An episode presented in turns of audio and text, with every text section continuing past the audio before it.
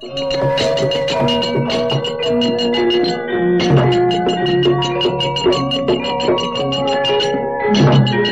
you.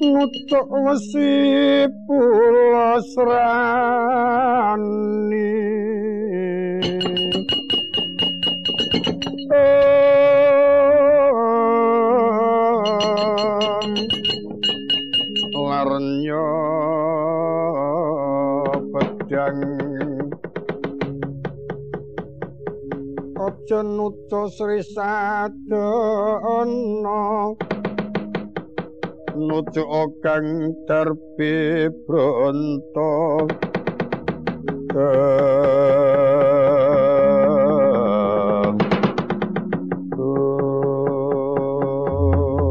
Arang keranjang tatune Raden Abimanyu. Jemparing kang tumanduk marang hanggani Raden Abimanyu.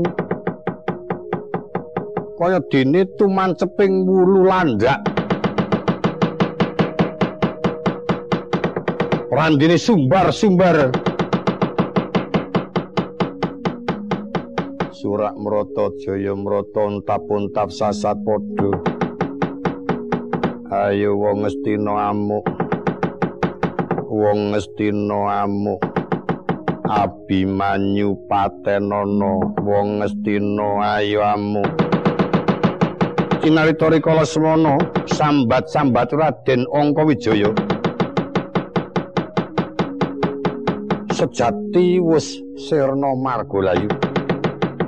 Kocapo ing brangkang-brangkang saking pungkuran.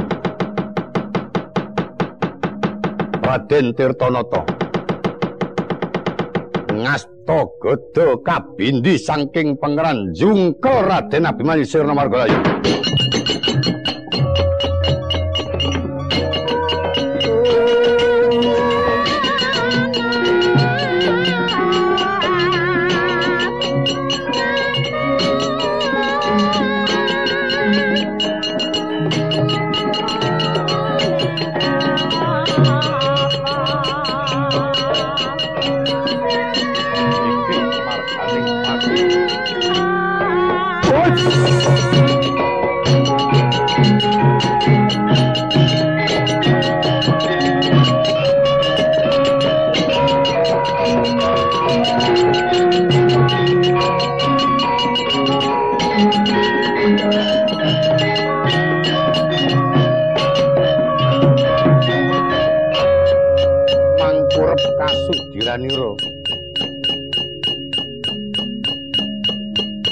panenget marang Purwa Duksina. Prandine isih ana katon sambat-sambat kocapo ing tedhak saking Kurangga Raden Sarja Kesuma. Merpeki marang Raden Abimanyu. Wah, modya Abimanyu.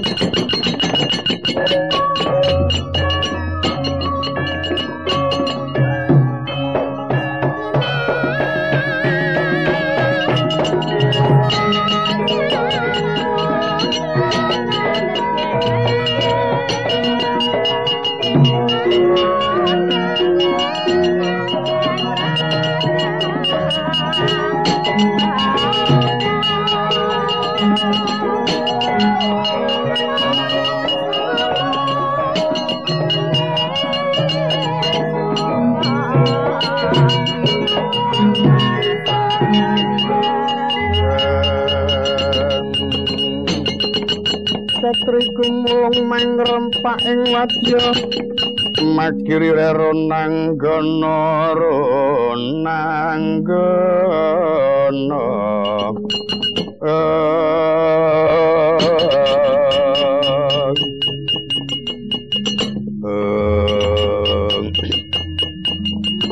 Wong kuwi angger salah ya salah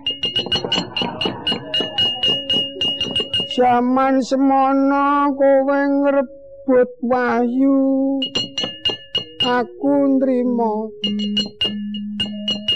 Kang kaping pindhone kowe ngrebut karo Siti Sendari aku nrimo. Nganti aku seprene ming trima karo si enem saiki modiar kowe abimanyu abimanyu. Ayo wong ngestina amuk. Wong ngestina amuk. Elah dalah aku iso iso celatu kowe druhun iki. Kinaritori kala semono Raden Sarjok Simon nyandak sandang walikat. Arsa katamaken Raden Abimanyu datan uninga ingkang sesumbariku sejati duwung Kiai Pulanggeni. Raden Sarjo Kasumo merpeki Abimanyu duwung lorot sangka ing rangka tumancep dadane Sarjo Kasumo plak kami terus sirna margalayu.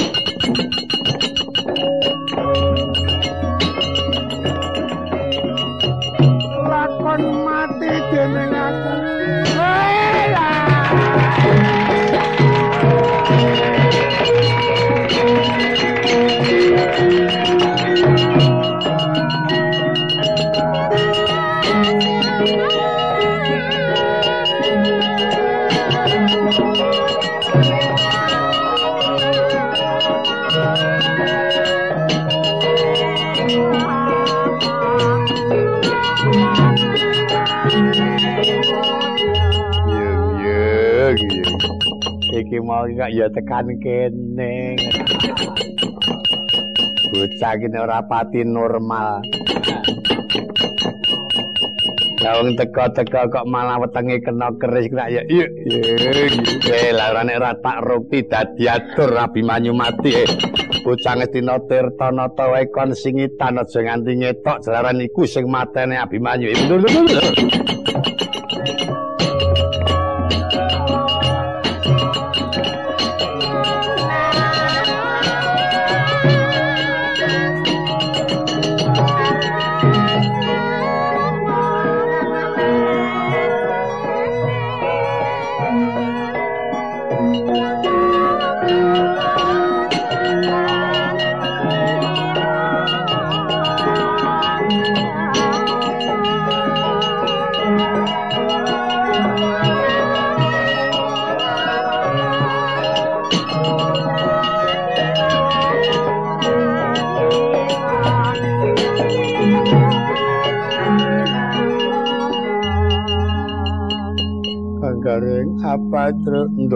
abimanyu sedo aduh mati ya. Ndara panjenengan ingkang kula tresnani Ndara aku ra iso omong. Wis mong sapa duatra aku ra iso omong. Lah kok Ndara kok banjur bisa ndaut? Aku tak terima ora nungkuli. Tak tak tak dendendang. Ora karo-karuan. Daturke ana randu watangane iya ta.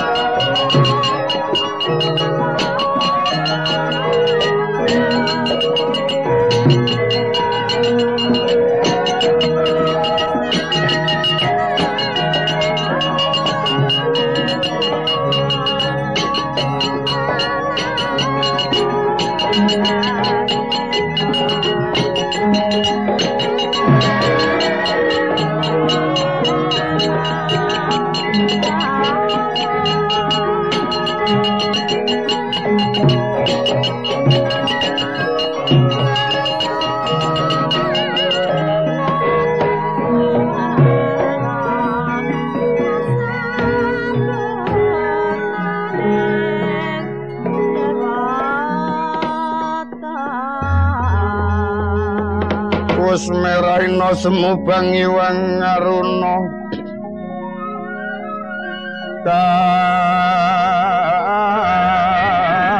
tinitraning agar apa sabdaning kukil.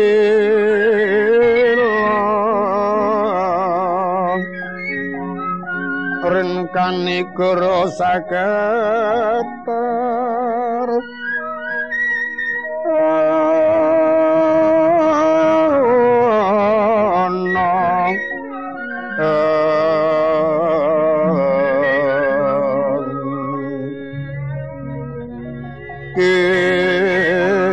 dungane engkong. Lir wuwu sing pini panca.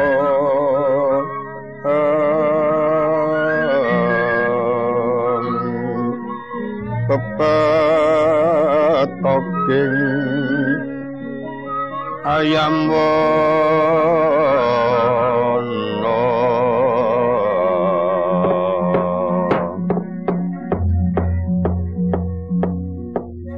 Putu Prabu kula eyang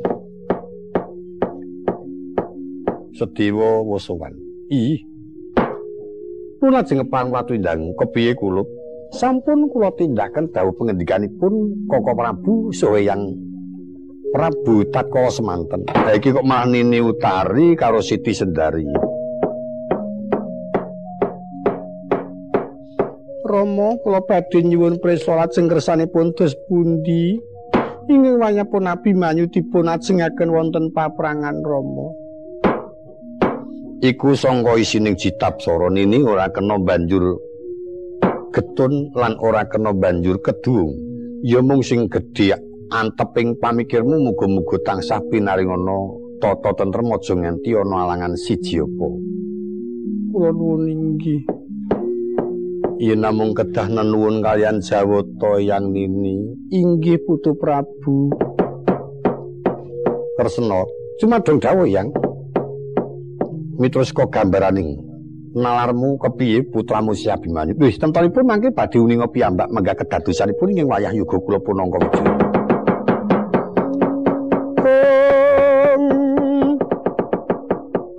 wis merahina semu bang iwang aruna katiniktraning ager apa sabdaning kukila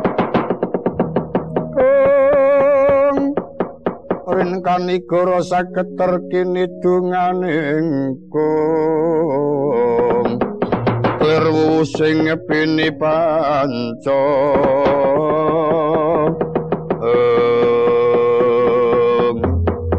Yoswan kiura kantong bolong angaturaken punarpanipun Raden Angka Wijaya geger pasiban.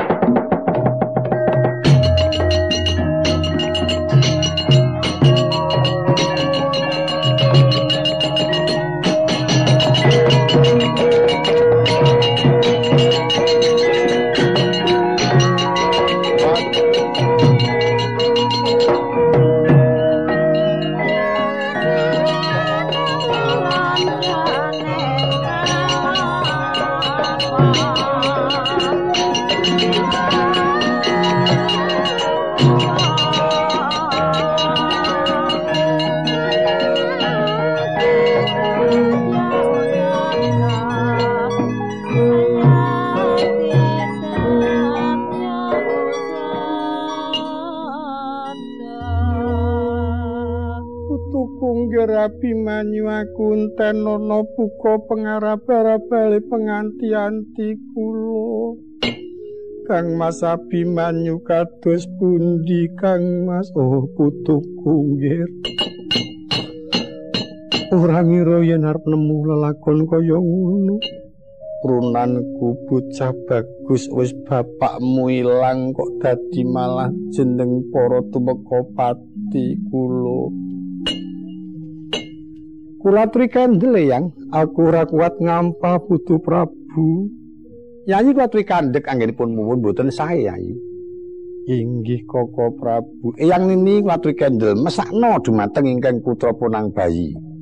Sapa wonge putuku? Dwarawati aku ditinggal mati bojo. Mongko aku aki ngrebini kaya ngene. Ya, iki ngopo bengong ah, ngeres ah, dikumbah. Eh, kok kaya ngono lelakone tru eh, wong bojo ngrebini kok ditinggal sedo.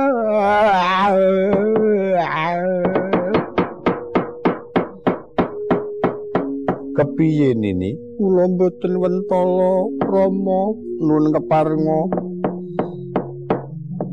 kula badhe labet sungkawa.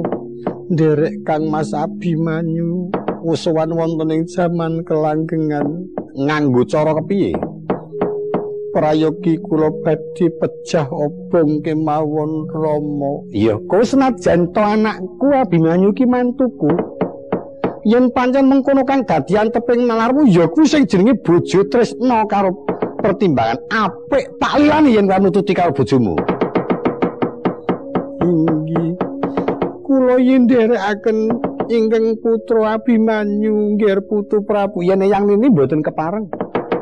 Awet panjenenganipun wonten ingkang kedah dipun kukui lan dipun ganduli yen menika ponang jabang bayi. Inggih. Wis prayoga kowe gedhekke anakmu wae utari. Tandha tresna tenan Ndara Siti ya ya. Bojone mati melu mati. Nek tekmu ya golek meneh kok terus penggaya Celemongan wong susah ya ger-gerang maneh Petro lho, jawuno kabeh Purwadya kang cuma wis pancala. Wis iku.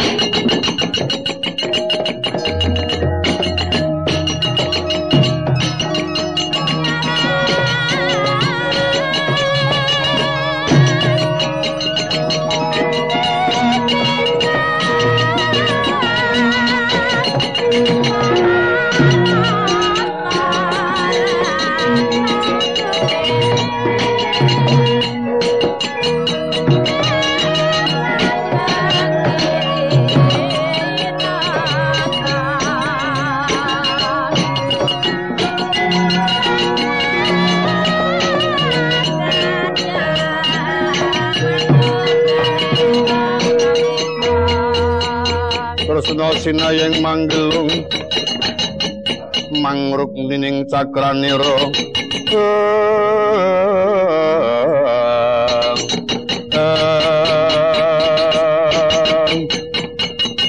Rama menika sampun dumados pancala. Iya nini. Kula nyuwun pamit Rama. Badhe nututi ingkang putra. Iya wis tak lilani Dinarita rikala semana Siti Sendari kang wis ngagem busana seta. Sinawang yayah layon lumaku. Sungkem marang ingkang Rama. Ngejumaken asta mungging delamaaning sampeyan. Mawas pancala kang mangal dadakni kang mes sumunduli ngakoso. Kaya diwis tinarbuka pintuning paswargan Siti Sendari ambyur ing hakni Sirna Margolayu yitmani renteng-renteng runtung-runtung marang Yitmani Raden Angka Wijaya ngadhep ana ngayunaning padha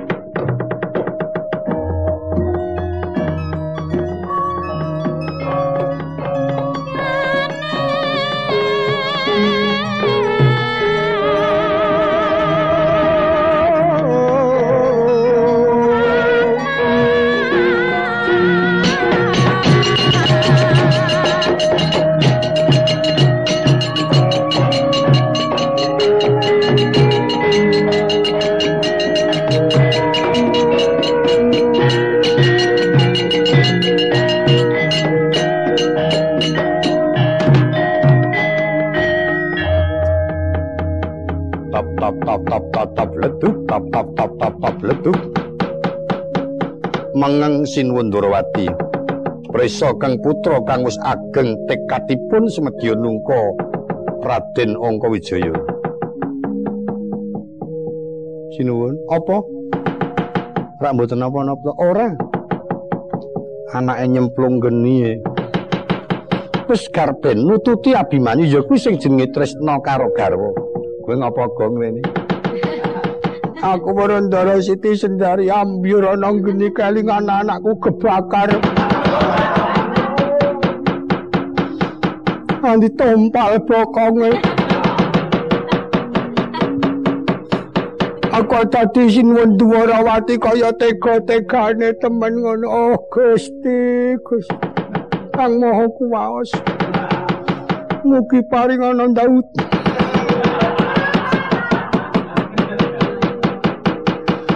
Itu, Nun.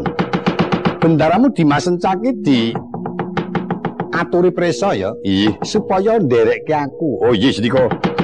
Ngatur para wadyabala ingkang perlu ngrambu-ngrambu goleki Werkudara Janaka kang lunga spre durung bali, Sediko.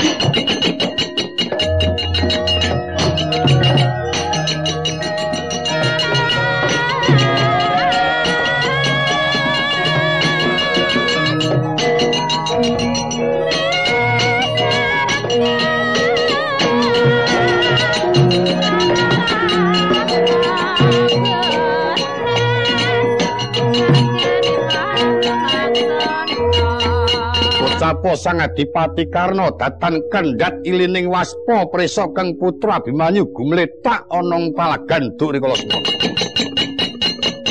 Kepareng lucitang driya, uh purunanku bocah bagus Abimanyu. Kang sejatine kowe ginadang gadang didomo-domo karo bapakmu. Ewa semono ora kena tak penggak kula. Ingkang mateni Abimanyu kejaba diranjat Kurawa ingkang mungkasi nyawane Tirtanata. Ya abot-abote aku tresna karo adiku Janaka. Senajan to Gunung Setrapu kinepung marang para wadyabala, aku arep nyamudana supaya ketemu karo adiku lan bakal tak tuduhi dalan supaya bisa medun tekan ing Kurusetra.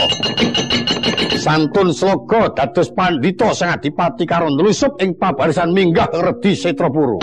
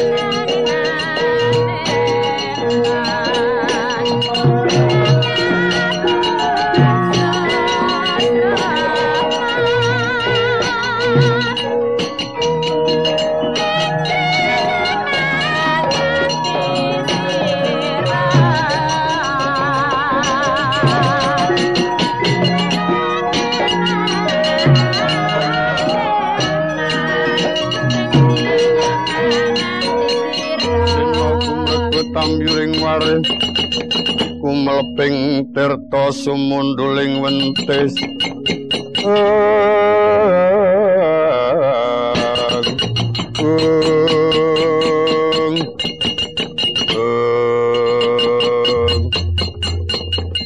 Iki ana pandhita nemoni aku.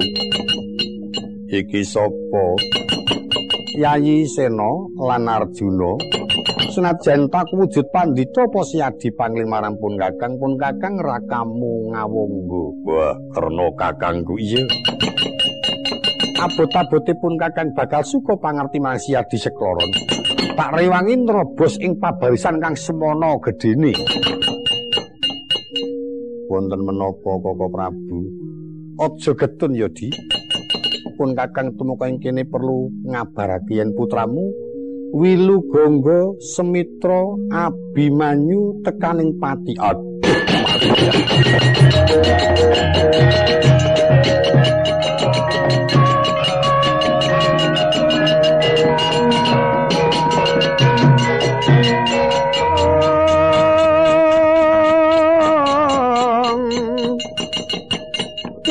muka mracena nirinang leng sang moksuweng driya.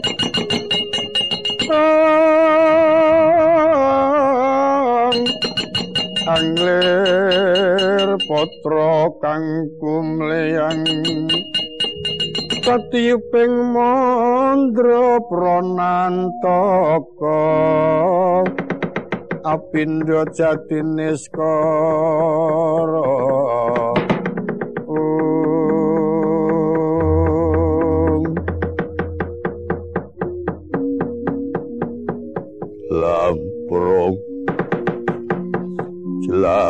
Lampro Anakku Abimanyu mati Inggih Kang Mas kados pundi Wis aja tok getuni ya Dio ingkang mejahi sinten Koko Prabu Tirtanata.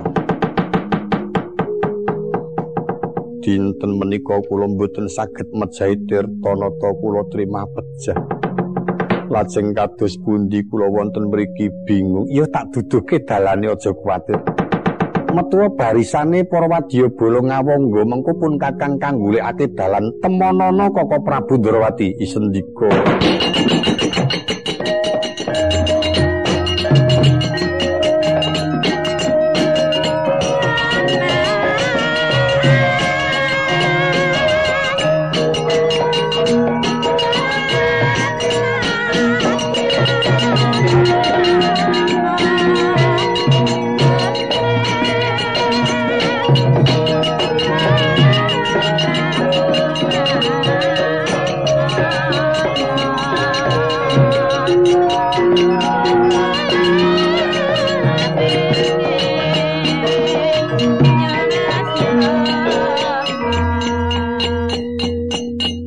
Yai Arjuna, kula nuwun inggih Koko Prabu. Kok nangis ana sebab apa, Yai?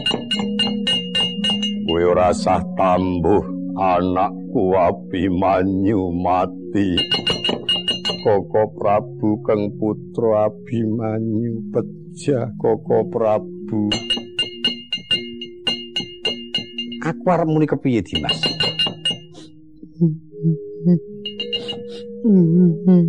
Kowe iki do ngaliyo. Kowe aja omong lho, Gong, ndak do guyu. Ana aku keton Ndara Bima Manyu.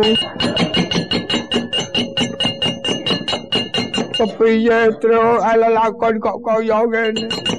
Ngerti sing mateni Abimanyu, kula mangertos Koko Prabu dinten menika wasipun Tirtanata badhe kula padosi. Kula nelusup barisan Kurawa mboten badhe ajrih mboten saged mejahi Tirtanata dinten niki mangke Janaka trimah mati obong